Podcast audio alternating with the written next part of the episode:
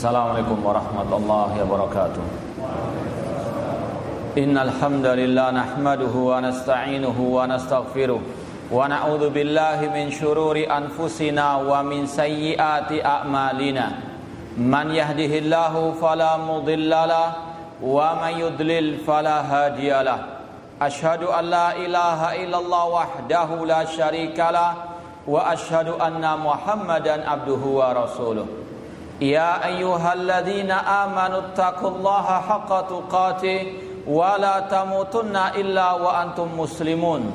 يا أيها الناس اتقوا ربكم الذي خلقكم من نفس واحدة وخلق منها زوجها وبث منهما رجالا كثيرا ونساء واتقوا الله الذي تساءلون به والأرحام. إن الله كان عليكم رقيبا. يا أيها الذين آمنوا اتقوا الله وقولوا قولا سديدا. يصلح لكم أعمالكم ويغفر لكم ذنوبكم. ومن يطع الله ورسوله فقد فاز فوزا عظيما. أما بعد فإن أصدق الحديث كتاب الله وخير الهدي هدي محمد صلى الله عليه وسلم. وشر الأمور محدثاتها وكل محدثة بدعة wa kulla bid'atin dhalalah wa kulla dhalalatin finnar. Ma'asal muslimin Ikhwani fillah wa akhwati Bapak-bapak, ibu-ibu, saudara-saudari kurahimani wa rahmukumullah Pertama-tama marilah kita senantiasa memanjatkan puji syukur kepada Allah Subhanahu wa taala yang dengan limpahan nikmat, hidayah serta pertolongannya kita dipertemukan oleh Allah Subhanahu wa taala dalam majelis yang mulia ini di dalam salah satu taman surga Allah yang ada di dunia ini. Semoga Allah Subhanahu wa taala mengumpulkan kita di taman surganya di akhirat kelak. Tema kajian kita pada sore atau petang hari ini berkaitan dengan virus kelompok Al-Khawarij dan bagaimana penyembuhannya. Sekilas tentang kelompok Khawarij ya. Mungkin kelompok Khawarij ini tidak terdengar namanya eh di kelompok-kelompok yang ada sekarang ini. Namun yakinilah kelompok teroris yang ada di tubuh kaum muslimin itu tidak lain tidak bukan adalah anak cucu dari kelompok Khawarij atau mereka adalah titisan dari kelompok khawarij yang terdahulu.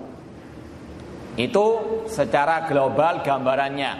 Ya, intinya kajian kita ini mengenal tentang kelompok terorisme.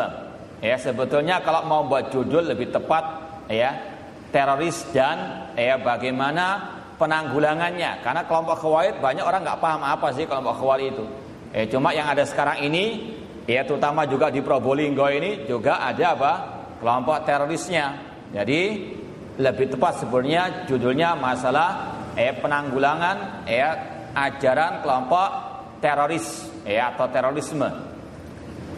Masal muslimin ikhwani fillah wa akhwati rahimani wa rahmukumullah. Kita ingin kembali dulu kepada sejarah Islam pertama kali di zaman Rasul Shallallahu Alaihi Wasallam. Sebelum Rasul diutus, kaum ya musyrikin jahiliyah dalam keadaan kegelapan kesyirikan mereka.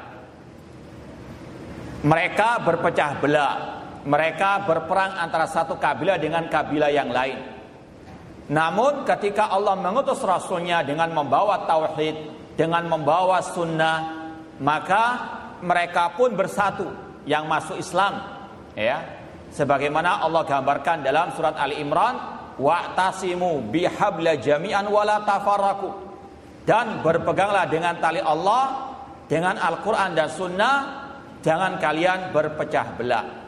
Wadhkuru ni'matallahi alaikum id kuntum a'daan fa'allafa baina qulubikum fasbahtum bi ni'mati ikhwana. Dan ingatlah kalian wahai para sahabat It kuntum a'daan. Dulu kalian ya berpecah belah. Ya, ingatlah kalian wahai para sahabat tentang nikmat Allah atas kalian ketika dulu kalian berpecah belah. Berperang satu kabilah dengan kabilah yang lain sebelum kalian masuk Islam. Fa'alafa baina qulubikum. Ketika kalian masuk Islam, Allah satukan hati kalian. Ya, ini adalah nikmat Allah atas para sahabat Rasulullah alaihi wasallam. Awal mula munculnya Islam, kaum muslimin bersatu. Mereka tidak mengenal Islam kecuali apa yang Rasul ajarkan. Islam pada waktu itu terang benderang. Malamnya seperti siangnya kata Rasul.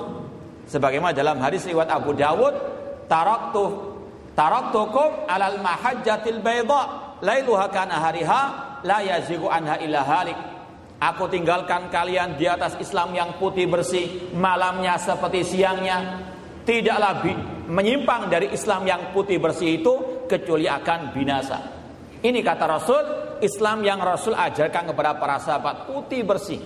Tidak ada ya asapnya, tidak ada debunya, tidak ada kotorannya, ya tidak ada yang ya menjadikan Islam samar-samar pada waktu awal kali Rasul mengajarkannya kepada para sahabat beliau.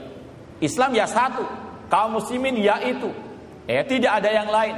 Tidak ada Islam ini, Islam itu, tidak ada kelompok ini, kelompok itu, tidak ada. Semuanya eh bersatu. Namun sunatullah al-kauniyah. Namun takdir Allah kauniyah menghendaki dengan hikmah yang Allah ya inginkan setelah Rasul meninggal dunia Kata Rasul, "Wa man ya'ish minkum fasara ikhtilafan katsira." Barang siapa yang hidup sepeninggalku nanti, kalian akan melihat perpecahan yang banyak. Ini sunatullah kauniyah. Artinya sudah Allah takdirkan dalam lahul mahfud umat Islam akan terpecah belah dan eh meskipun demikian Allah tidak ridha dengan perpecahan meskipun Allah mentakdirkan karena hikmah yang Allah kehendaki. Ya, di antara hikmahnya untuk kita betul-betul ya kembali kepada Islam yang yang hak tersebut. Di antaranya kalau nggak ada kelompok sesat, kalau nggak ada kelompok teroris, mungkin kita nggak ngaji sekarang ini. Ya, judulnya saja kelompok apa? Khawarij. Ini salah satu, salah satu hikmah. Nah, yang kita ketahui bahwasanya ada banyak hikmah di balik penciptaan kelompok-kelompok sesat itu. Kita yakini ini ciptaan Allah, ini takdir Allah, meskipun Allah tidak ridho dengan orang-orang yang sesat dan menyimpang tersebut. Ini namanya takdir kaunia atau iroda kaunia. Pasti terjadi namun tidak mesti Allah apa? cintai dan tidak Allah cintai. Ya, setelah, setelah Rasul meninggal dunia mulai ya muncul perpecahan khususnya di zaman ya Al Khalifah Rashid Utsman bin Affan radhiyallahu taala anhu. Dan ini yang tadi kita sampaikan pada pagi hari di Pasuruan tentang awal munculnya fitnah yaitu sepeninggal Al Khalifah Rashid Umar bin Khattab radhiyallahu anhu secara tepatnya. Ya setelah Rasul meninggal dunia ada kaum ya yang murtadin yang murtad diperangi oleh Abu Bakar Siddiq selesai kemudian muncul Khalifah ya Umar bin Khattab. Beliau memperluas Islam sampai ya ke beberapa negeri negeri ya menaklukkan Romawi dan Persia ya kemudian setelah itu diganti oleh Al Khalifah Rasul Utsman bin Affan muncullah ya para provokator dari ya orang-orang Yahudi yang masuk ke dalam agama Islam secara nifak kemudian memprovokasi orang-orang jahil orang-orang awal untuk merengsirkan Al Khalifah Rashid Utsman bin Affan. Muncullah eh pada waktu itu benih-benih kelompok Syiah Rafidah dan kelompok Al Khawarij ya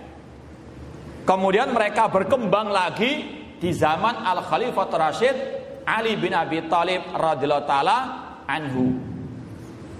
Jadi ini awal munculnya perpecahan dan awal munculnya kelompok-kelompok sesat. Yang paling ya utama adalah kelompok Syiah Rafidah dan kelompok Khawarij. Dan kedua kelompok ini dalam sejarah selalu bergandengan. Dalam artian kalau ada Syiah muncul, kelompok Khawarij juga muncul. Dan itu juga terjadi di zaman kita sekarang ini. Ya, ketika kelompok Syiah Rafidah diwakili oleh negara Iran yang agama resminya agama Syiah, Syiah Rafidah itu mengembangkan sayapnya di beberapa negara. Di Suriah mereka menjajah, di Yaman mereka menjajah, ya, di Irak mereka menjajah, ya. Maka muncullah kelompok teroris ISIS, ya. Ini adalah ya dua kelompok yang selalu membuat eh, kerusakan di atas muka bumi ini. Meskipun harus diyakini kelompok Syiah Rafidah yang paling jahat, yang paling sesat, bahkan yang kufur. Ya. Kelompok teroris ISIS itu masih di bawahnya kelompok Syiah Rafidah. Dari segi kesesatannya, dari segi apa? Ya, kejahatannya. Ya, namun ya sekarang pembahasan kita khawarij kita tinggalkan dulu kelompok Syiah Rafidah. Eh cuma jangan sampai kita terlena bahwasanya memang betul kelompok teroris itu kelompok yang sesat dan kelompok yang jahat.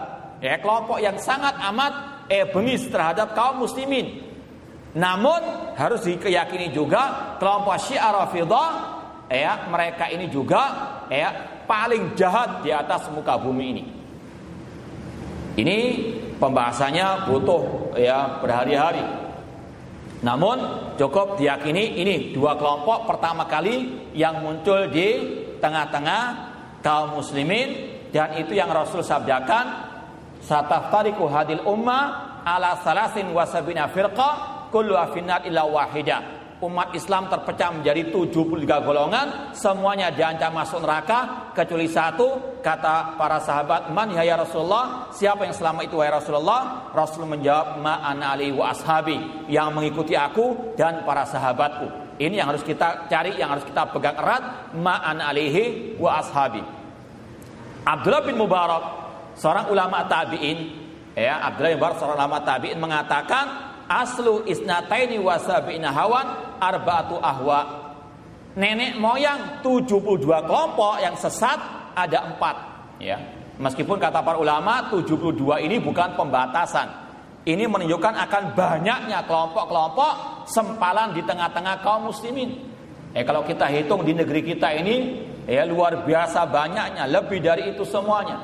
Cuma yakinilah bahwasanya mereka ini ya nenek moyangnya ada empat kata Abdullah bin Mubarak yaitu kelompok Syiah Rafidah, kelompok Khawarij, ya, kemudian kelompok Al-Qadariyah yang mengingkari takdir dan yang keempat kelompok Murji'ah yang mengatakan iman hanyalah ucapan dan keyakinan, amal perbuatan bukan termasuk bagian daripada al-iman. Kemudian sebab penamaan Khawarij itu dari kata-kata kharaja yakhruju. Eh mereka ini dinamakan khawarij karena mereka ini senantiasa keluar dari pemimpin kaum muslimin. Kalau di awal ya munculnya mereka, mereka ini memberontak kepada Ali bin Abi Thalib.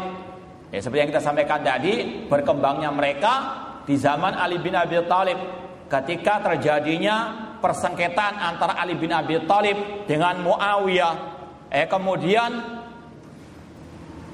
Ali bin Abi Thalib dan Muawiyah mengadakan kesepakatan dengan mengutus dua utusan para sahabat, ya. Di antara pasukan Ali ada yang kontra dengan Ali dengan kebijakan tersebut. Mereka mengatakan Ali tidak berhukum dengan hukum Allah. Ali bin Abi Thalib berhukum kepada manusia, yaitu kepada dua orang tadi yang bernegosiasi untuk berdamai. Kata mereka Ali bin Abi Thalib itu tidak berhukum dengan hukum Allah. Kalau nggak berhukum dengan hukum Allah, kafir. Itu ya fonis mereka kepada Ali bin Abi Thalib. Maka pasukan Ali bin Abi Thalib yang ya ikut dalam pemikiran tadi, pemikiran Khawarij tadi itu berpisah dari Ali bin Abi Thalib ada dalam riwayat mengatakan 6000, ada mengatakan 16000, ada yang mengatakan 24000, ya. Kalau kita ambil yang paling banyak di antaranya 24000 dari kelompok Khawarij itu mereka memisahkan diri dari barisan Ali bin Abi Thalib, kemudian mereka bermarkas di tempat namanya Nahrawan di daerah Kuf, dekat Kufa atau ada yang mengatakan 2 mil dari dari Kufa di Irak sana, ya. Kemudian Ali bin Abi Thalib mengutus ya Abdullah bin Abbas untuk mendebat mereka, menasihati mereka. Dengan seizin dari Allah, dengan taufik dari Allah, 20 ribu dari mereka bertobat. Sisa berapa? 4 ribu. Ini yang bersikeras untuk memberontak. Ya, kemudian betul mereka eh, ingin memberontak. Kemudian mereka keluar dari markas mereka. Kata Ali bin Abi Thalib, ya Ali bin Abi Thalib sempat berkhutbah kepada mereka. Beliau mengatakan, la nabda'ukum bil kital hatta tuhdisu fasadan. Kami tidak akan memerangi kalian sampai kalian memulai merusak, membuat teror, membuat keonaran. Ya, kami nggak mau memerangi kalian dulu sampai kalian membuat kerusakan, keonaran, membuat teror. Dan qadarullah ketika mereka berjalan mau memberontak kepada Ali, mereka berpapasan dengan seorang sahabat Rasul yang bernama Abdullah bin Khobat bin Arad radhiyallahu anhu yang lagi berjalan bersama istrinya yang sedang hamil. Kemudian kelompok Khawarij menawannya, menahannya. Kemudian apa yang dilakukan oleh Khawarij? Dibunuhlah seorang sahabat tadi, Abdullah bin Khobat bin Arad dibunuh. Ya, kemudian sang istri ya mau dibunuh Sang istri mengatakan, "Ittaqullah, bertakwalah kepada Allah, takutlah kepada Allah." Namun mereka nggak pernah merasa takut kepada Allah. Ya. Dibunuh juga sang istri. Dan yang lebih kejam lagi, perutnya sang istri yang sedang hamil dirobek, diambil janinnya. Nauzubillah min dalik. Itu dalam sejarah yang dikisahkan para ulama, eh di antara dalam kitab Bidayah Ad-Bidayah wa Nihayah karangan Al-Imam Ibnu Katsir rahimahullah taala. Ini eh kebengisan, eh kejahatan kekejaman kelompok Khawarij sepanjang zaman. Ya, maka jangan heran eh kalau mereka membunuh sekarang aparat keamanan atau siapa pun yang mereka rasa kafir murtad halal jaranya mereka bunuh dengan cara apa pun. Ya seperti kemarin di Mako Brimob, ya mereka menyayat-nyayat ya anggota Brimob meskipun sama-sama muslim sebetulnya. Ya, namun itulah sejarah yang terulang kembali. Ya kebiadaban kelompok teroris sepanjang zaman. Nenek moyangnya seperti itu. Ya, kemudian Ali bin Abi Thalib ketika mendengarkan Abdullah bin Khabat dibunuh berserta istrinya, beliau pun mengutus pasukan untuk menghabisi kelompok Khawarij tersebut. Dihabisi semuanya, ya, tidak disisakan sama sekali. Itu adalah sikap Ali bin Abi Thalib. Dan qadarullah mereka membalas dendam kepada Ali bin Abi Thalib. Ya, suatu saat Ali bin Abi Thalib ketika mau ya salat subuh ya dihadang oleh beberapa kelompok khawarij dan langsung disabetkan pedang eh oleh seorang yang bernama Abdurrahman bin Muljam eh oleh Abdurrahman bin bin Muljam. Eh sampai beliau meninggal dunia. Abdurrahman bin Muljam sebelum membunuh Ali bin Abi Thalib sempat membacakan ayat wa minan nasi man yashina sabatiga amardatillah di antara manusia ada orang-orang yang menjual dirinya untuk Allah berjihad di jalan Allah eh membunuh Ali bin Abi Thalib dia niatkan berjihad di jalan Allah Subhanahu wa taala. Ini virusnya kelompok Khawarij. Apa itu? Ya, tadi syiarnya yang tidak berhukum dengan hukum Allah kafir murtad. Ya. Kalau sudah murtad, halal darahnya. Apa yang dilakukan? Jihad. Ya. Itu syiar mereka. Ya. Yang tidak berhukum dengan hukum Allah kafir, lalu halal darahnya jihad. Kalau dulu dengan sayat eh, dengan sabetan pedang, sekarang dengan bom, entah bom rakitan atau bom eh, petasan yang penting membuat teror, ya. Ini sekali lagi syiarnya mereka sepanjang zaman. Ini virusnya mereka. Seperti terjadi di negeri kita ini. Eh, kenapa mereka ya dengan teganya membunuh aparat keamanan? Simple. Karena presiden negara, pemerintah tidak berhukum dengan hukum Allah, kafir, ya. DPR-nya, MPR-nya kafir, menteri-menterinya kafir yang ya menjaga keamanan pemerintah, aparat keamanan juga apa? Mereka kafirkan karena loyal kepada pemimpin kaum kaum muslimin kata mereka yang mereka namakan dengan dengan tauhid, ya. Ya kalau ada dai atau siapa pun ngomong pemimpin kita, pemimpin kita tauhid. Nah, ini ciri-ciri apa? Khawarij ini virus-virus apa? Al khawarij. Ya, maka hati-hati. Ali bin Abi Thalib saja mereka kafirkan dengan alasan tidak berhukum dengan hukum Allah hanya gara-gara ya tadi mengutus utusan untuk berdamai. Ya, ketika itu Abdullah bin Abbas membantah syubhat mereka. Abdullah bin Abbas mengatakan, ya, jangankan masalah perdamaian di antara kaum muslimin, ya, perdamaian antara suami istri yang sedang cekcok ya. Allah mensyariatkan mengutus utusan dari pihak laki-laki pihak perempuan. Allah mengatakan wa in khiftum shiqaqa bainihima fab'athu hakaman min alihi wa hakaman min ahliha. Apabila kalian takut terjadinya perceraian maka utuslah utusan dari pihak laki-laki suami dan pihak perempuan eh untuk berdamai, untuk bermusyawarah. Bagaimana enaknya? Kata Abdullah Abbas, kalau masalah rumah tangga saja boleh mengutus juru, juru damai, apalagi yang berkaitan dengan apa? Perang antara dua kelompok kaum muslimin yaitu Ali dan Muawiyah. Baru mereka apa? Sadar, ngeh istilahnya, ya. Itulah salah satu ciri kelompok Al-Khawarid sumbu pendek, ya. Akalnya apa? Eh pendek, bodoh, ya, tidak berpikir panjang. Ini sekilas tentang sejarah kelompok eh Al-Khawarij. Kemudian kita ingin menyampaikan hadis dari Rasul tentang kelompok Khawarij. Minta tolong. Iya.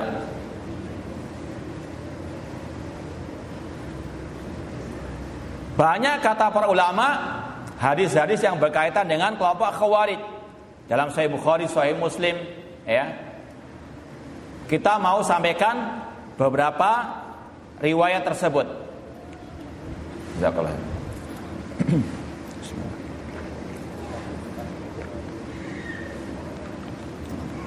Yang pertama hadis diriwayatkan oleh Ali bin Abi Thalib dari ya Sahih Bukhari. Dalam Sahih Bukhari Ali bin Abi Thalib ya meriwayatkan dari Rasulullah sallallahu alaihi wasallam Rasul mengatakan saya khruju qaumun fi akhir zaman. Ahdathul asnan sufahaul ahma sufahaul ahlam. Yaqrauna min khairil qalil bariyah la yujawizu imanum hanajirahum kata Rasul akan muncul di akhir zaman nanti sekelompok orang yang masih muda belia. Ya. Namun pendek akalnya, bodoh. Ya.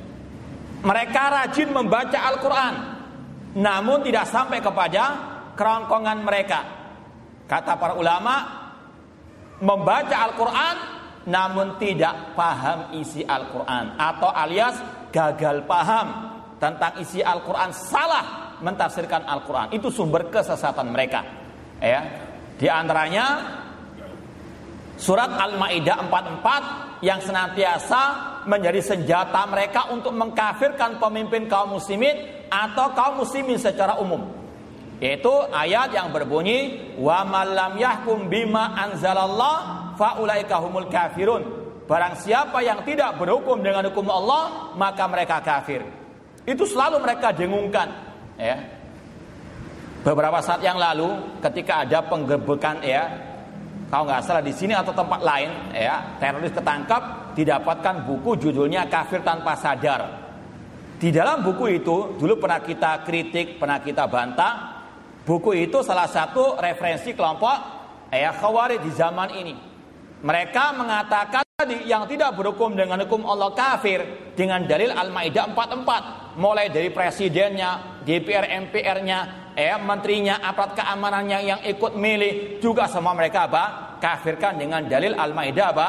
Empat empat. Padahal seorang sahabat Rasul yang merupakan ahli tafsir Al-Quran dari kalangan sahabat yaitu Abdullah bin Abbas radhiallahu anhu beliau mengatakan ayat itu faulai kahumul kafirun mereka kafir kata Abdullah bin Abbas kufrun la yang kulu anil millah kekafiran yang tidak mengeluarkan dari Islam. Jelas-jelas ini membantah statement kelompok teroris tersebut.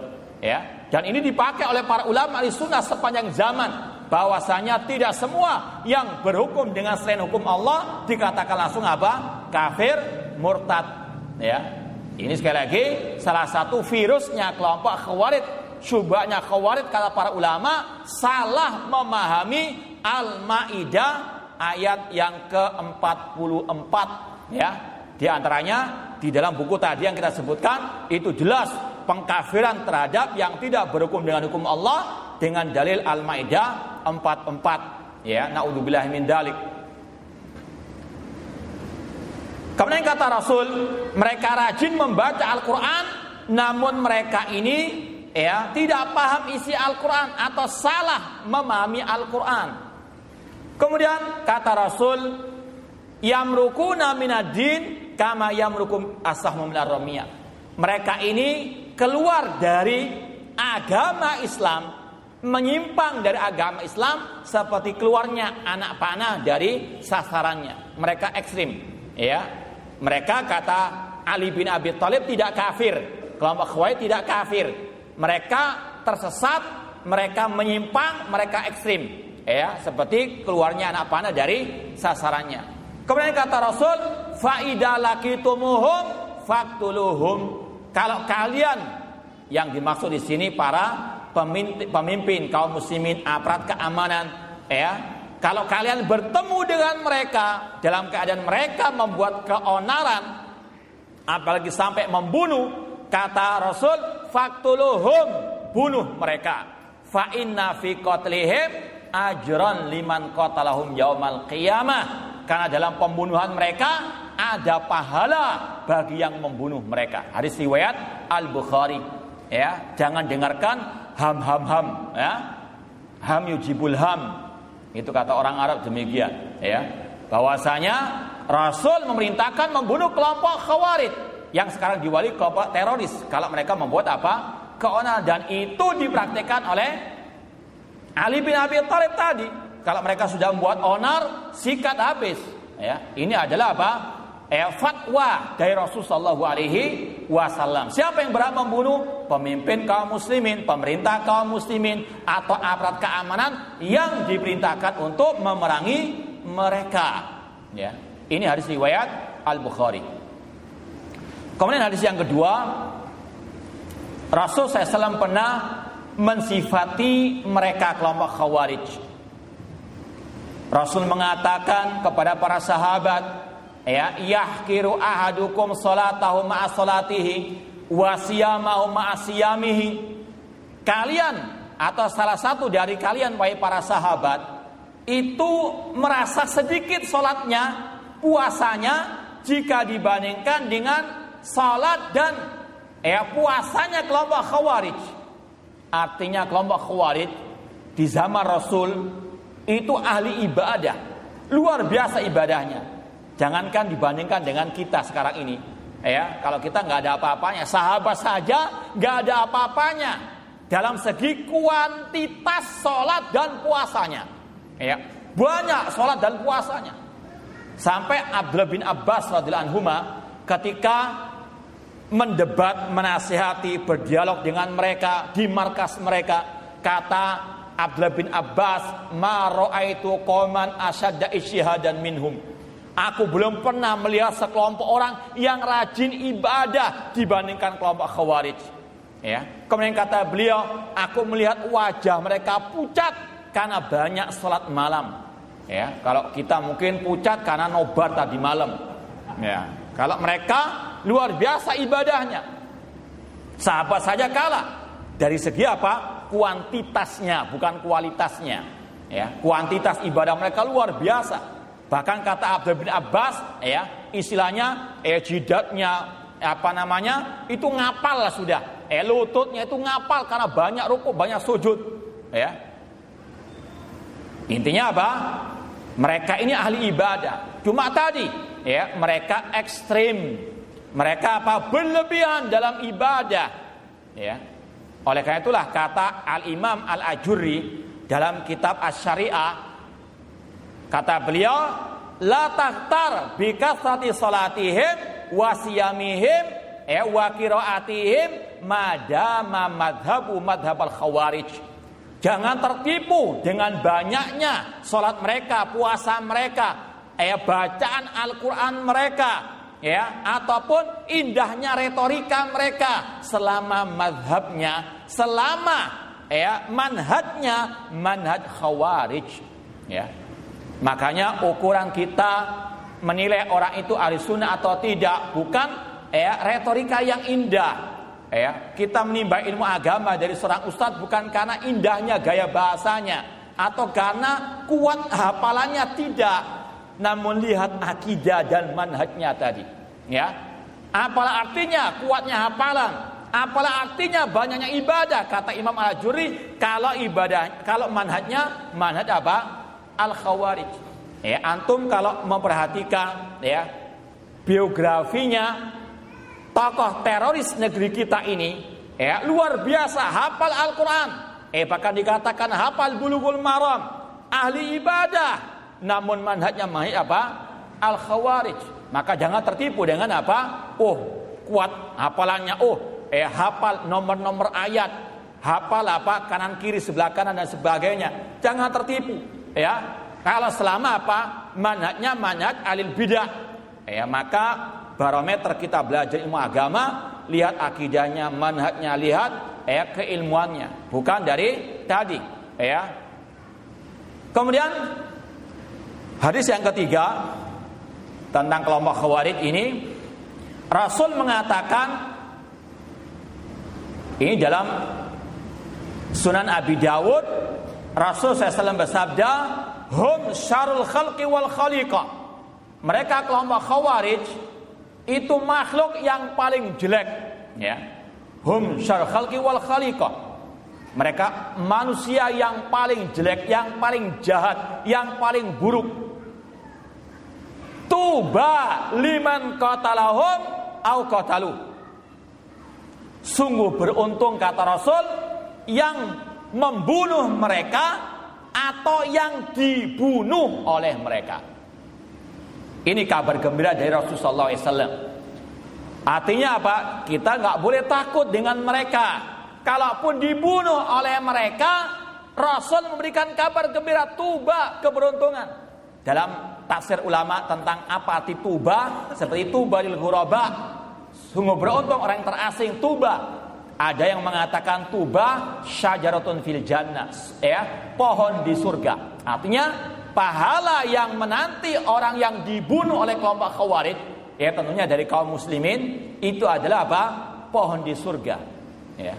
Artinya sekali lagi tidak perlu kita takut dengan dengan mereka. Tuba liman qatalu wa qatalu. Sungguh beruntung yang membunuh kelompok khawarij atau yang ya merupakan anak cucu mereka yang merupakan titisan mereka dari kelompok teroris Kata Rasul, tuba liman qatalum au qatalu atau yang dibunuh oleh mereka. Ya. Karena pembunuhan mereka ini bukan suatu penghinaan. Buktinya apa? Ali bin Abi Thalib, manusia yang mulia di zamannya, menantunya Rasul dibunuh oleh mereka. Artinya kita nggak perlu takut, ya. Artinya sekali lagi harus kita apa? Tegar menghadapi kelompok Al-Khawarij yang kata Rasul mereka adalah sejelek-jelek makhluk. Kemudian kata Rasul dalam terusan hadis tadi, yad'una ila kitabillah wa laysu minhum fi. Mereka ini menyeru manusia kepada Al-Qur'an. Ya, mereka ini selalu menyeru kepada Al-Qur'an. Namun mereka tidak paham Al-Qur'an. Ini seperti yang Rasul sabdakan tadi, la yujawizu hanajirahum. Ya, iman mereka, bacaan Al-Qur'an mereka tidak sampai kepada kerongkongan mereka. Ini ciri kelompok Al-Khawarij. Kemudian hadis yang keempat. Hadis ini diriwayatkan Imam Ahmad, Rasul mengatakan la yazaluna yakhrujun hatta yakhruja akhiruhum ma'ad-dajjal senantiasa kelompok khawarij, kelompok teroris itu akan senantiasa muncul. Dan yang terakhir dari kelompok khawarij itu muncul bersama Dajjal, dalam barisan dajjal mereka akan muncul di akhir zaman. Hadis riwayat Imam Ahmad. Dan kata Rasul dalam riwayat yang lain, "Kullama dahar kuti." Ketika mereka muncul akan diputus. Dan terus akan muncul, muncul, diputus, muncul, diputus, tapi mereka terus akan bermunculan. Maka jangan apa merasa tenang. Oh sekarang sudah nggak ada, bom meledak lagi. Ya kita nggak berharap, naudzubillah min dalik. Cuma harus ya kita yakini mereka itu terus akan bermunculan kapan pun dan di mana pun. Ya, tapi di negeri kita ini, ya bom Bali satu, ada bom Bali dua, ada bom Tanrin, ada bom Surabaya, ya. Probolinggo belum ya? Semoga enggak, ya. Intinya harus ada kewaspadaan dari semua pihak, baik dari pemerintah, kaum muslimin, ya dan jangan pernah ada dukungan kepada mereka sama sekali jangan pernah ada simpati kepada mereka sama sekali wah kasihan ya masa ditangkapkan punya anak dan istri oh belum kena bomnya ya. Ini kalau kena bomnya baru apa? Tahu rasa bagaimana kejamnya mereka. Terkadang ada orang-orang yang buta mata hatinya. Sudah jelas mereka berbuat kekejaman berbuat keonaran. Kok masih apa? Dikasihani ya. Kau dikasihani dalam artian dinasehati tidak ada masalah. Cuma ya menyalahkan pemerintah namun mendukung apa? Kelompok-kelompok tersebut ya apalagi ada dai yang ya luar biasa kerasnya. ISIS hanyalah kambing hitam. Ini negara tohut eh nggak taunya mohon maaf. Ya saya anak bangsa. Ya ini banjinya khawarij. Ya naudzubillah min dalik. Ah, ini eh pemikiran-pemikiran kelompok Khawarij yang menyebar tengah-tengah kaum muslimin. Ya ya jelas sekali kalau orang-orang seperti itu adalah kelompok al khawarij ya meskipun minta maaf hanya apa istilah orang Jawa ya abang-abang lambe basa basi namun tetap pemikiran seperti itu. Naudzubillah min dalik. Intinya sekali lagi ikhwani fillah wa akhwat rahimani wa rahmukumullah itu beberapa hadis tentang kelompok al khawarij dari ya sejarah tadi dan dari hadis-hadis tadi ya itu ada ya beberapa faedah. Ini juga cara penyembuhannya. Dan sekaligus menyibak ya sumber kesesatan kelompok khawarij. Apa sumber yang pertama faedahnya tentang apa sumber kesesatan kelompok khawarij? Rasul sudah menyatakan tadi. Eh mereka ini membawa ayat-ayat Al-Quran bukan pada tempatnya. Mereka salah mentafsirkan Al-Quran, terutama ayat-ayat tentang jihad, ya, ayat-ayat tentang masalah berhukum dengan hukum Allah Subhanahu Wa Taala. Ya, mereka salah memahami konsep jihad, salah memahami ayat-ayat tentang masalah tadi. Wa malam yakum bima azral fa'alakahumul kafirun sudah kita jelaskan ya itu senjata mereka, virus mereka, syubhat mereka salah memahami Al-Maidah 44. Eh sedangkan tafsir ulama Ahlussunnah sepakat mengatakan tidak semua yang berhukum dengan selain hukum Allah dikatakan apa? kafir. Abdullah bin Abbas mengatakan itu kekafiran yang tidak mengeluarkan dari Islam. Atau bin Abi Robah ya para ulama tabi'in mengatakan kufrun duna kufrin, kufur kecil ya. Intinya ini membantah kelompok teroris. Demikian pula tentang masalah jihad. Mereka ini jihadnya jihad yang palsu, jihad yang bid'ah. Ini ada ucapan yang indah dari Syekhul Islam Ibnu Taimiyah rahimahullah tentang jihadnya kelompok Khawarij.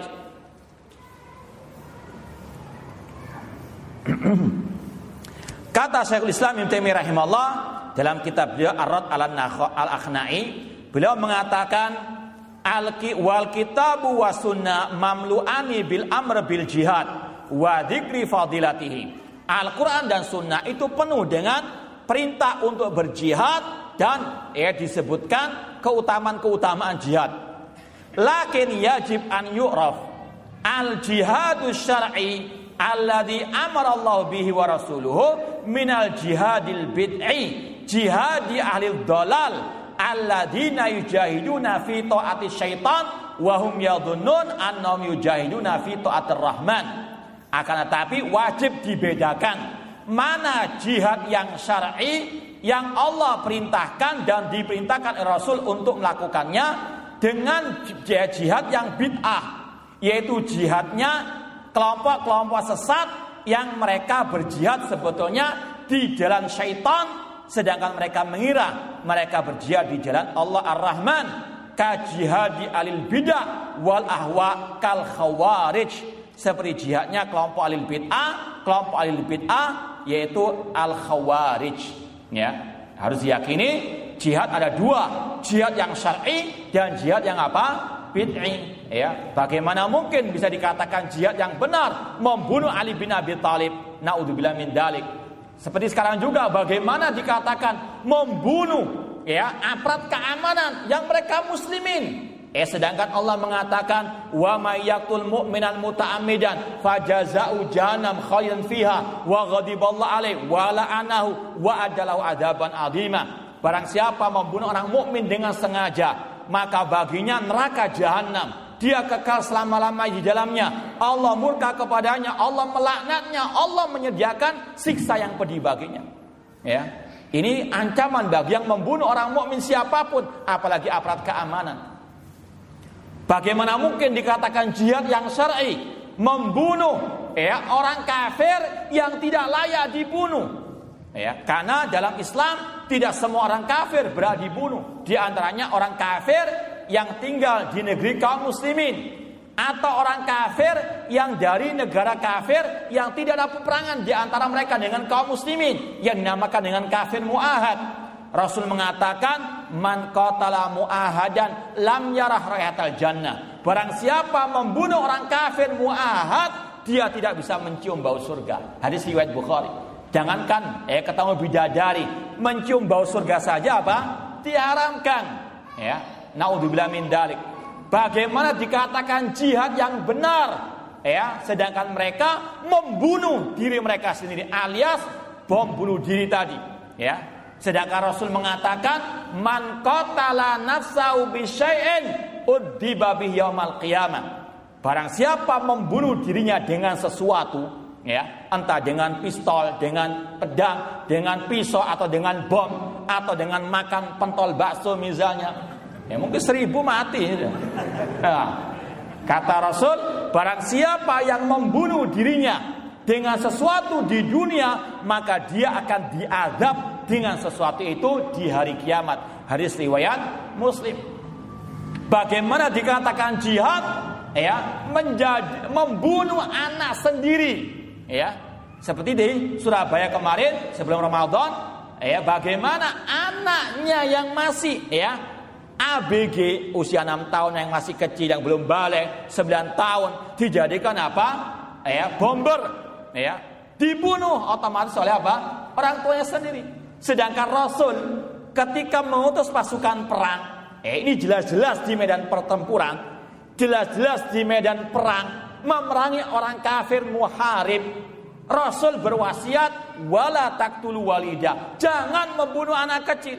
Ini anaknya orang kafir saja di medan pertempuran diharamkan dibunuh. Kok ini membunuh apa? Anaknya sendiri. Ini sudah apa?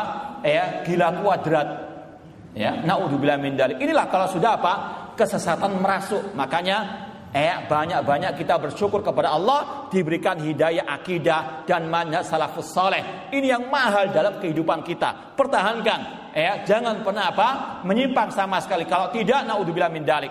Ya, karena jangan pernah menjamin kita terus akan seperti ini, ya.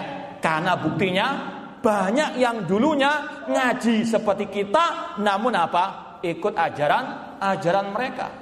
Ya, tokoh teroris negeri kita ini salah satunya apa? Pernah merasakan kajian sunnah. Namun ya karena tidak mau bersyukur masih mencicipi ajaran yang lain Allah mengatakan fala mazagu azagallahu ketika mereka berpaling semakin Allah palingkan eh naudzubillah min dalik eh maka sekali lagi ma'asal muslimin ikhwani fillah wa akhwati rahimani wa rahmakumullah Sumber kesesatan mereka yang paling utama salah mentafsirkan Al-Qur'anul Karim, salah mentafsirkan ayat-ayat tentang al-jihad, ya. Dan ini juga yang diucapkan oleh Abdullah bin Umar radhiyallahu taala anhuma. Beliau mengatakan kata Imam Bukhari, Abdullah bin Umar meyakini kelompok Khawarij adalah sejelek-jelek makhluk.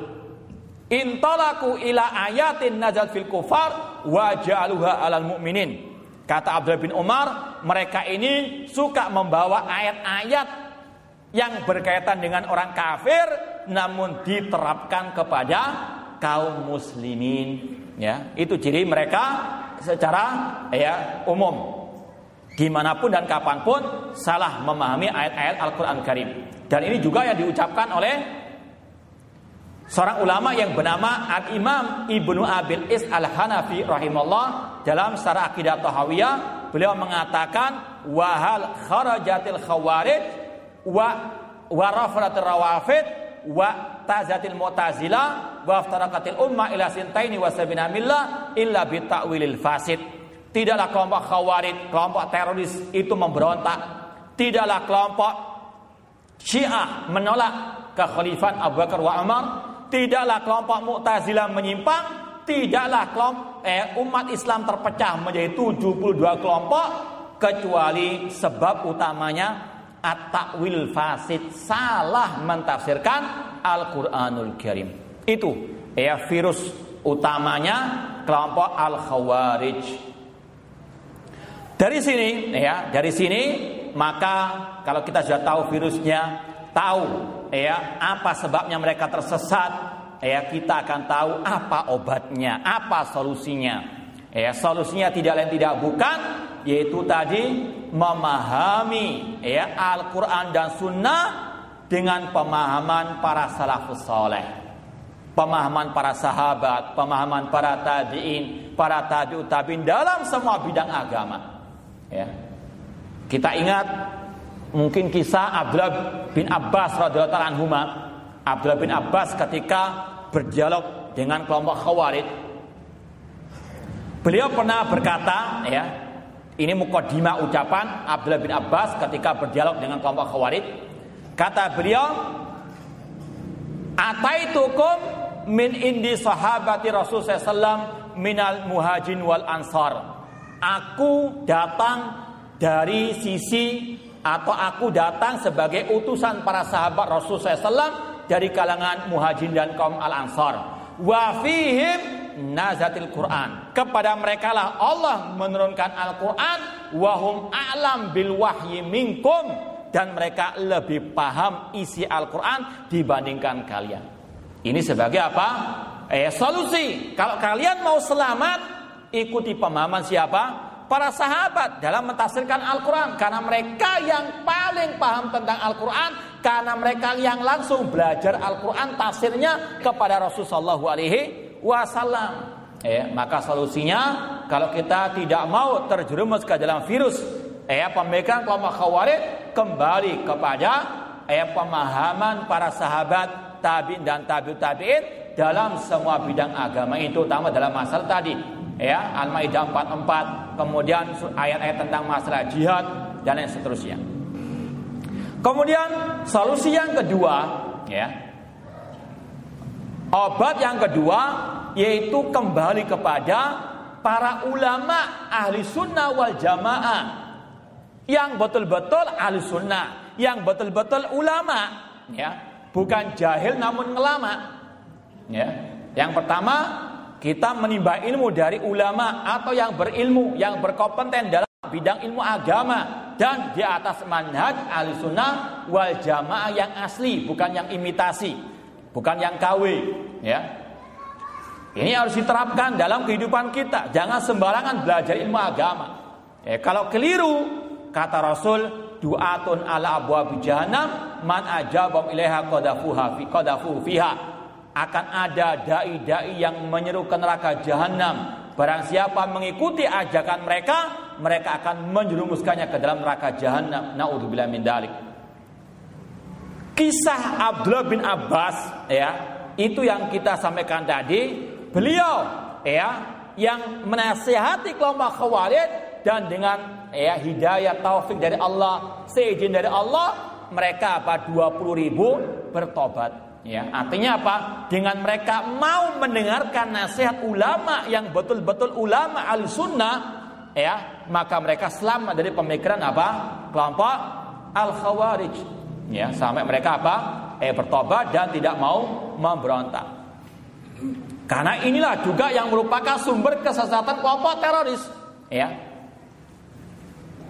ada seorang kelompok teroris ya dari kelompok ISIS ya kelompok ISIS yang di Irak sana ada seorang dari mereka pernah membuat statement ya membuat doktrin kepada pengikutnya di seluruh dunia mengatakan ikra'u ayatil jihad bacalah ayat-ayat tentang jihad ya utrukul ulama tinggalkan ulama ya karena apa kata mereka ulama ya tidak bisa jadikan referensi karena dituduh ulama itu pemerintah, ulama pemerintah, ulama tauhid. Maka mereka apa? Belajar sendiri. Maka apa yang terjadi? Inilah kelompok teroris ISIS dengan kekejaman dan kebiadaban mereka. Kenapa? Tidak rujuk kepada ulama ahlu sunnah wal jamaah. Eh, maka solusi ya dari pemikiran kelompok khawarij, kelompok teroris kembali kepada para ulama eh arrobaniin. Eh, contoh di zaman ini Contohnya ya, yang besar-besar di antaranya Syekh Saleh bin Fauzan, ya Syekh Abdul Muhsin Al-Abbad Al-Badr, ya, kemudian juga yang di bawah mereka seperti Syekh Ali bin Hasan, ya atau ya ulama-ulama yang ada di negeri Syam atau di negeri ya Saudi Arabia atau yang lainnya dari ulama-ulama ahli sunnah wal jamaah ya kemudian ini solusi bagi pemerintah eh, pemimpin bahwasanya menanggulangi terorisme itu harus dengan dua cara yang dilakukan oleh Ali bin Abi Thalib. Ya. Apa itu? Yaitu tadi mengutus ulama untuk menasihati kelompok teroris, ya, apalagi yang di penjara-penjara, ya. Tidak cukup mereka di penjara. Karena ini masalah apa? Keyakinan, ya. Ini masalah akidah mereka. Nggak bisa hanya di apa? Ya, dikurung, ditahan, bahkan ya seperti yang sudah dimaklumi, ketika kumpul dengan yang lebih ekstrim lagi, jadilah mereka apa? Tambah parah lagi. Ya, bahkan yang awam saya terpengaruh. Ya, maka butuh apa? Diutus seperti di negara Saudi Arabia itu ada istilahnya tim khusus dari kalangan para ulama masyayikh yang ya menangani mereka ya ininya kayak kayak dokter ya ada psikiater itu menangani mereka. Me, me dialog ya berdialog dengan mereka. Mengeluarkan syubhat-syubhat mereka kemudian mereka apa? Ya bantah mereka jawab mereka luruskan. Ya ini adalah apa? Solusi untuk menghadapi kelompok teroris yang dilakukan oleh pemerintah kaum muslimin. Seperti yang dilakukan oleh Ali bin Abi Thalib sebelum beliau memerangi diutus dulu dinasihati dulu didebat dulu namun ya ini sekali lagi butuh ulama yang mumpuni dalam bidangnya. Ya. Kalau di Saudi Arabia, ya alhamdulillah banyak. Kalau di negeri kita ini ini krisis ya. Buktinya apa? Berapa saat yang lalu BNPT ya masih mengimpor masih mengimpor ya ulama dari luar Indonesia. Alhamdulillah di antaranya yang di ya datangkan untuk menasihati terpidana teroris adalah Syekh Ali bin Hasan Al Halabi. Eh meskipun tentunya kurang maksimal karena apa? Mendatangkan ya beliau tidak semudah yang dibayangkan. Ya karena beliau juga banyak kesibukan. Ya, namun intinya ini solusi yang ada dan dipraktekkan oleh Ali bin Abi Thalib. Ya menanggulangi mereka dengan apa? Mengutus ulama yang betul-betul mumpuni dalam bidangnya. Karena nggak semua yang dikatakan ulama bisa apa? Ya, menangani mereka ini butuh ilmu yang mumpuni khusus menghadapi syubhat-syubhat mereka. Kemudian solusi juga bagi pemerintah yaitu tadi yang dilakukan oleh Ali bin Abi Thalib kalau nggak bisa dinasihati ya nggak bisa ya dikembalikan kepada kebenaran dengan ilmu maka dengan apa senjata diperangi ya dan alhamdulillah negara kita sudah melakukan dua hal tersebut meskipun yang tadi pertama ya masalah ya mendatangkan ulama, mengutus ulama ini kurang sangat amat ya sangat amat kurang. Cuma ya semoga di ya hari-hari yang akan datang ya bisa dilakukan hal tersebut. Ya adapun dengan militer ya tentunya sudah banyak dilakukan ya. Intinya ini secara global ya solusi obat dari apa? penyakit kelompok al-khawarij. Ya secara global. Kembali kepada Al-Qur'an Sunnah dengan pemahaman para salafus saleh. Kembali kepada ulama rabbaniyin.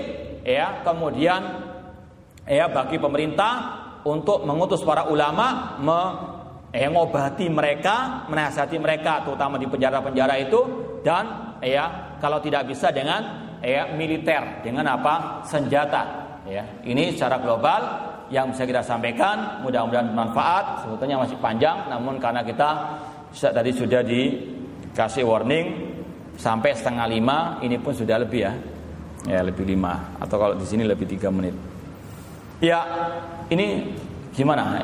Hadiah door prize-nya kasih langsung satu-satu gini atau gimana? Hah? tanya jawab atau gimana kasih pertanyaan ya siapa yang mau hadiah angkat tangan dulu Hah? Siapa ya? Ya, siap. Tolong sebutkan siapa pembunuh Ali bin Abi Thalib dari kelompok Khawarij. Masya Allah. Pilih Pak, mau buku, siwak atau apa ini? Air air putih? Nggak boleh punya bukannya saya ini. Ya. Ya Insya Allah. Afwan. Ya, siapa yang mau lagi hadiah? Angkat tangan. Ya, Tolong sebutkan ya surat Al-Maidah 44. Apa yang maksud dengan kafir di situ? Kufrun dan kufrin, masya Allah ini golongan yang selamat, insya Allah semoga selamat di dunia wal akhirah. Ya, ada lagi. Mu gampang kok, jangan takut, angkat tangan. Nah, ini gimana nih? Ada tulisan akhwat, gimana baginya ini? Gak bisa kita. Hah? Oh ya, ini khusus untuk akhwat ya. Untuk akhwat ada dua pertanyaan. Silakan yang bisa menjawab langsung tulis di kertas dan segera diberikan ya di, di bawah tabir itu ya. Tolong yang bisa menjawab langsung ditulis di kertas diberikan di depan. Pertanyaan yang pertama, sebutkan empat nenek moyang kelompok sesat. Itu yang pertama, ya. Sebutkan empat nenek moyang kelompok sesat yang bisa bagi akhwat segera menjawab. Yang kedua yang bisa menjawab, ya segera tulis. Pertanyaannya sebutkan tiga ya solusi penyembuhan penyakit kelompok khawarij. Ya, yang kedua, tolong ditulis namanya ya, biar kita tahu siapa yang bisa menjawab itu. Nah. Ya, yang kedua pertanyaannya sebutkan tiga solusi atau obat bagi penyakit kelompok khawarij. Masya Allah langsung cepat ini. Ya, ini yang menjawab nggak ada namanya Syiah Khawarij Al Qadariyah. Ini gimana ini? Double jawabannya. Eh? Dua-duanya dapat atau gimana? Sama jawabannya. Hah? Pakai siwak aja ya, si siwak ya. Iya, tidak apa-apa. Ini yang menjawab sudah kadung menjawab. Ya, penghargaan bagi menjawab, tolong dikasihkan. Ini yang menjawab dua kertas ini dapat semua hadiah. Ya. Masih banyak hadiahnya. Tidak apa-apa sudah. Ini tidak apa-apa kasihkan akhwat ya, apa ya. Iya, sudah ikhwannya sudah dapat. Ya, kalau ada pertanyaan silakan kasih lembaran kertas. Kalau antum mau bertanya, kalau anda alhamdulillah. Oh ini jawabnya double. Pertanyaan pertama dijawab, pertanyaan kedua dijawab juga. Luar biasa. Dapat, iya, iya. Hah? Nah, tangan tangan, antara tangan tangan. Kayak artis aja. Ya. Jazakallah khair.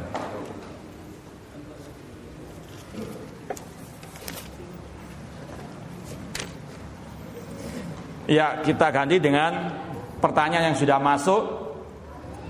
Bolehkah bagi salafiyin untuk bekerja sama dalam satu barisan dengan kelompok Haroki, Sufi, Ikhwani dengan membentuk aliansi anti Syiah dalam rangka menghadapi bahaya Syiah? Jazakallah khairan. Ahlussunnah wal Jamaah ya melarang untuk kita bermajlis dengan alil bidah ya Abdullah bin Abbas mengatakan la tajli la tujalisuhum jangan duduk bersama mereka ya fa inna mujalasatahum mumridatul qulub karena duduk bersama mereka itu membawa penyakit bagi hati. Ya. Ini sekali lagi adalah mana salaf dan akidah salaf. Dan ini adalah apa? Ya sekali lagi salah satu prinsip al-sunnah wal jamaah. Kita ya bisa bersendiri biidznillah ya untuk membantah kelompok Syiah ngapain kita apa? Bersatu dengan mereka yang juga banyak memiliki apa? Kesesatan-kesesatan. Ya. Dan kemarin di daurah Syekh Sulaiman Ar-Ruhaili, beliau sempat ya ditanya tentang masalah ini dan beliau menjawab Ahlussunnah wal Jamaah harus ya punya jati diri sendiri. Ya, tidak perlu apa bergabung dengan dengan mereka. Ini adalah manhaj Ahlussunnah wal Jamaah. Ya.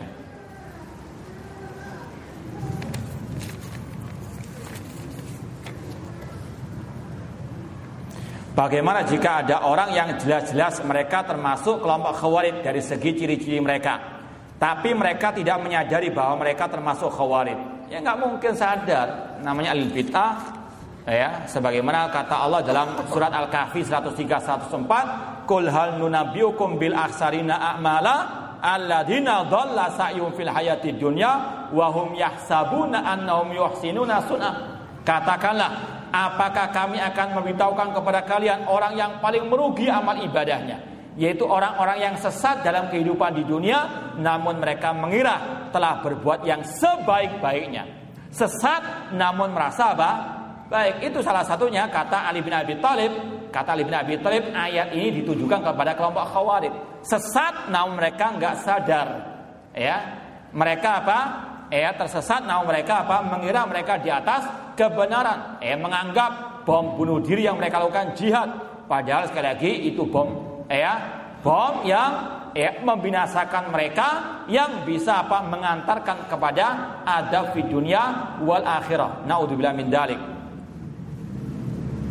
Apakah jika mereka dibunuh ya atau kita yang membunuh tidak berdosa? Eh kalau mereka sudah ya dikasih ya warning ya sudah apalagi jelas perbuatan teroris yang ada di negeri kita adalah eh, kelompok khawarij. Mereka sadar sebetulnya, ya harus mereka apa introspeksi diri untuk sadar. Namun kalau mereka terus berulah, eh, maka tidak berdosa bagi aparat keamanan untuk memerangi mereka. Sebagaimana kata Rasul, faidah laki tumuhum fatuluhum. Jika kalian berjumpa dengan mereka, bunuh mereka. Ya, fa'inna fi qatlim ajran. Bahkan kata Rasul ada pahala. Namun bagi siapa yang membunuh, ya yang ya ber berwenang, pihak berwenang, pihak yang berwajib bukan semua orang.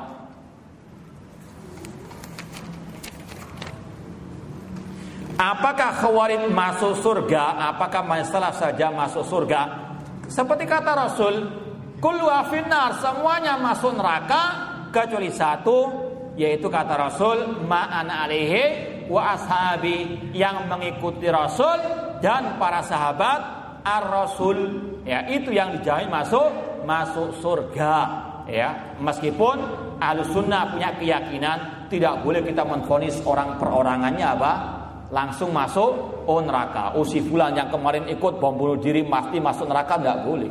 Ya namun kita menghukumi secara umum kelompok khawarij kata Rasul ya dalam hadis yang sahih dalam hadis riwayat Ibnu Majah Rasul mengatakan al khawariju kilabu ahli nar Kelompok khawarij anjing-anjing neraka. Ini Rasul yang mengatakan. Rasul yang menfonis bukan kita. Ya, kita yakini demikian. Ini hukum secara umum. Adapun si fulan, si B, si C, nggak boleh kita menfonisnya apa?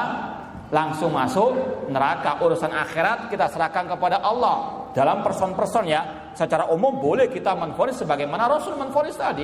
Kelompok khawarij masuk neraka. Rasul mengatakan. Ya, namun orang perorangannya kita apa serahkan kepada Allah Subhanahu wa taala. Ya ini akidah Ahlussunnah wal Jamaah tidak gegabah eh ngurusi masalah akhirat. Ya, akhirat kita nggak tahu ini masalah gaib. Ya, kecuali kalau ada nas yang khusus tentangnya.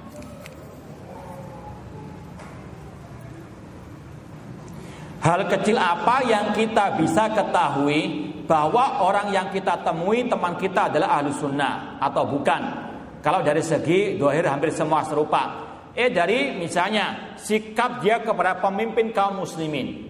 Eh kalau ada mengatakan ah pemimpin kita sekarang ini kita ya layak dikudeta ya layak untuk dilengserkan eh ini gak sah jadi pemimpin nah ini ya ciri kelompok khawarij kata ini bukan kata saya namun kata Imam Barbahari dalam kitab beliau Syarhus Sunnah beliau mengatakan faman kharaja ala imamin min a'immatil muslimin fahuwa kharijiyun. Barang siapa yang eh keluar dari kepemimpinan pemimpin muslim baik dengan senjata atau dengan pemikiran maka dia adalah kelompok khawarij fahuwa kharijiyun. Dia anggotanya kelompok khawarij meskipun nggak punya kartu anggota. Ya, yang penting apa? Punya pemikiran seperti itu namanya khawarij kata siapa? Imam Al-Barbahari rahimahullah taala.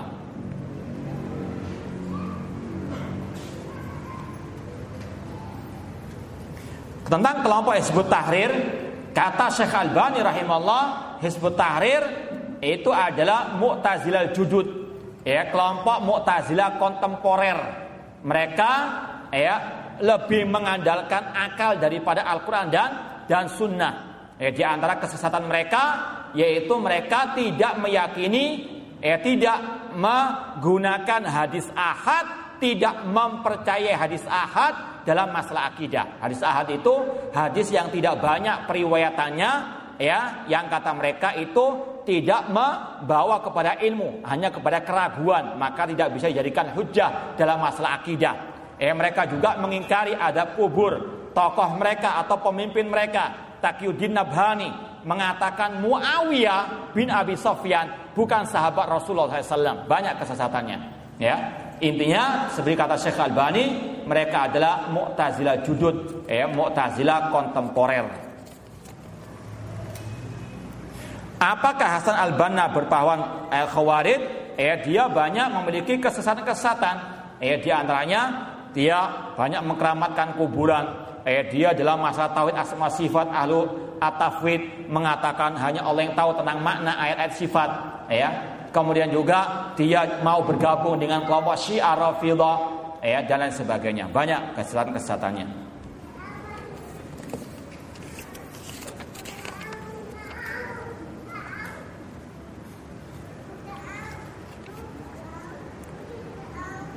Bagaimana hukum membunuh seorang begal?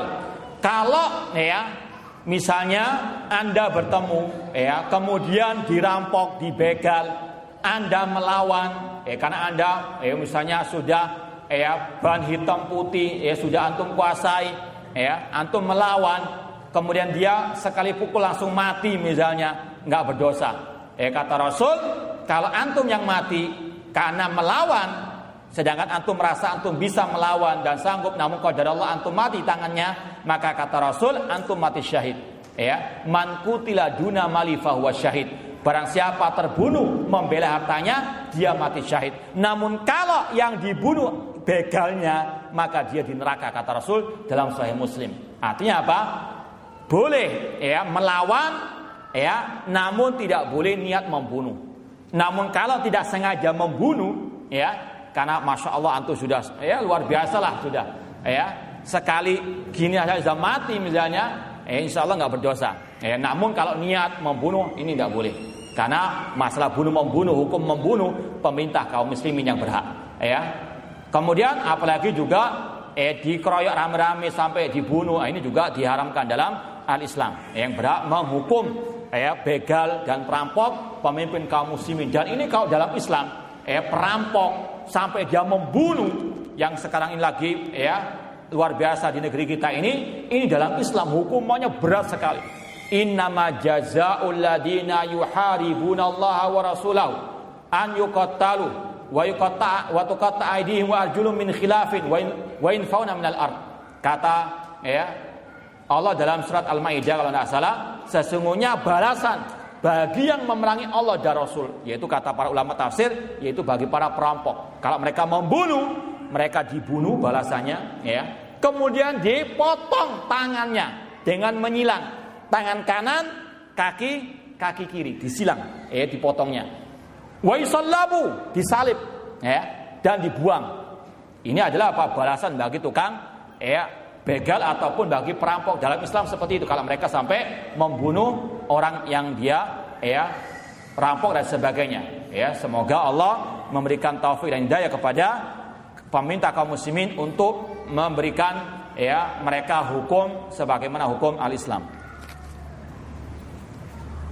Bagaimana dengan menyikapi jidat hitam? Ya kalau memang nggak sengaja muncul sendiri ya sudah layu kali nafsan ilah usaha nggak perlu digosok pakai kikir, ya nggak perlu pakai amplas nggak perlu, ya sudah biarkan.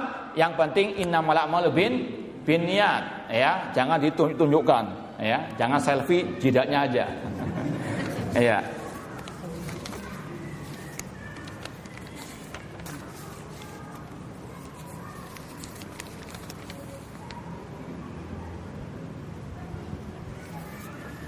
Ya seperti kita sampaikan, eh bahwasanya pemikiran untuk melengsarkan pemimpin kaum muslimin ini bukan dari ajaran al-sunnah wal jamaah. Ya, di antara pemikiran kelompok khawarij dikatakan khawarij mereka selalu keluar dari pemimpin kaum muslimin. Eh, al-sunnah wal jamaah sepakat sebagaimana kata Imam Nawawi haram mengkudeta melengsarkan pemimpin kaum muslimin selama masih muslim ya bagaimanapun kezolimannya. Hukumannya haram. Kata Rasul SAW dalam hadis Ubadah bin Samit, wa alla nunazi al amrahu illa antara kufran bawahan innakum minallahi fi burhan. Kami kata Ubadah bin Samit dilarang mengkudeta, melengserkan, ya, memberontak kepada pemimpin kaum muslimin sampai kalian melihat kekafiran yang nyata dan kalian memiliki bukti di sisi Allah Subhanahu wa taala. Eh, syarat melengserkan, mengkudeta, memberontak yang pertama pemimpin itu sudah jelas-jelas apa?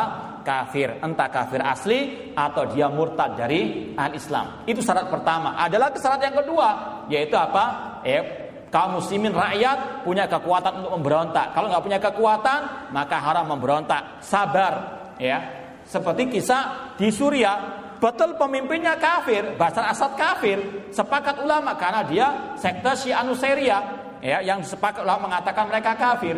Namun karena kaum muslimin nggak punya kekuatan, ya makanya sampai detik ini apa? Ya kaum muslim di Suriah tetap dalam ya keadaan yang luar biasa, ya ditimpa musibah. Ya kita doakan semoga Allah membinasakan kelompok Syiah Nusairia dan membantai mereka menolong kaum muslimin di Suriah. Cuma pelajaran yang penting dari kejadian di Suriah jangan gegabah memberontak. Meskipun pemimpinnya apa jelas-jelas apa? Kafir karena apa kerusakannya lebih besar daripada kemaslahatannya. Kemudian eh syarat yang ketiga pertimbangan maslahat dengan mafsadah. Apakah banyak kerusakannya ataukah eh, kebaikannya? Ini yang menimbang adalah para ulama, eh bukan orang-orang jahil namun ngelama.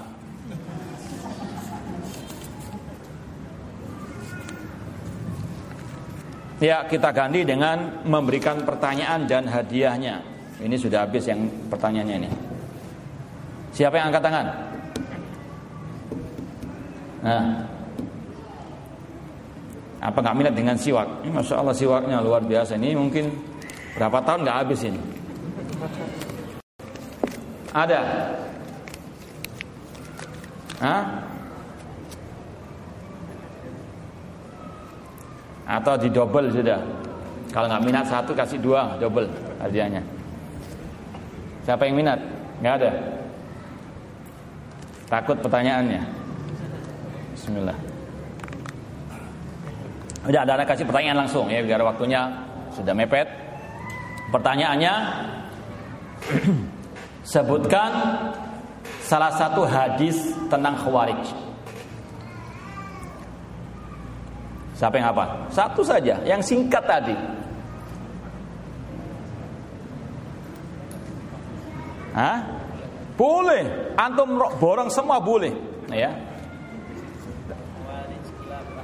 Iya, masya Allah dapat sudah ambil. Iya, apa apa. Berikutnya kalau antum bisa jawablah kenapa apa. Iya, namanya rezeki jangan ditolak. Iya, salah sendiri gak ada yang jawab. Iya, pertanyaan berikutnya. Sebutkan satu ayat ya yang kita sebut tadi. Terserah ayat yang mana, yang penting pernah kita sebut tadi. Ya. Sebutkan ayatnya. Ayatnya apa? Iya, apa ayatnya? Ayah sebutkan ayatnya. Terus? Hah? Kurang hafal. Dapat separuh berarti ya? Iya, hadal. Baik, sebutkan ya salah satu nama ulama yang kita sebut ya di kajian ini. Syekh Sulaiman Ar-Ruhaili, Masya Allah. Ah, ya. Gampang kan? Ya. Sebutkan ya salah satu penyimpangan kelompok Syiah mencela sahabat itu betul sudah ya gratis. Ya. Ini mudah lagi ya. Ya sebutkan apa judul kajian ini. Ah langsung sudah ambil. Ini zikir masya Allah. Ya. Mengenal virus hawari dan penyembuh. Iya ambil sudah. Iya. Iya. Ini sebelum akhir ya sebutkan. Ya salah satu kelompok sesat ya yang kita sebut ya selain khawarij. Al qadariyah ya, ya. ya yang terakhir ya. Siapa ya yang mewakili kelompok khawarij di zaman ini? Kelompok apa? Yang katakan dulu. Ah Ya sudah ambil. Gitu aja malu-malu sudah ya. Sudah ambil. Ya sudah, habis semuanya alhamdulillah. Ya, pas jam 5 kita cukup sekian karena kita juga mau ada safari dakwah di Lumajang. Wallahu taala alam, kurang lebihnya ana mohon maaf dan terima kasih perhatiannya. Semoga Allah Subhanahu wa taala senantiasa memberikan taufik dan hidayah kepada kita untuk berpegang teguh dengan akidah dan manhaj salaf sampai akhir hayat kita nanti dan semoga Allah menyelamatkan kita dari pemikiran kelompok khawarij dan dari kejahatan mereka. Aku qouli hada wa akhiru da'wana anil hamdulillahi rabbil alamin. Wassalamualaikum warahmatullahi wabarakatuh.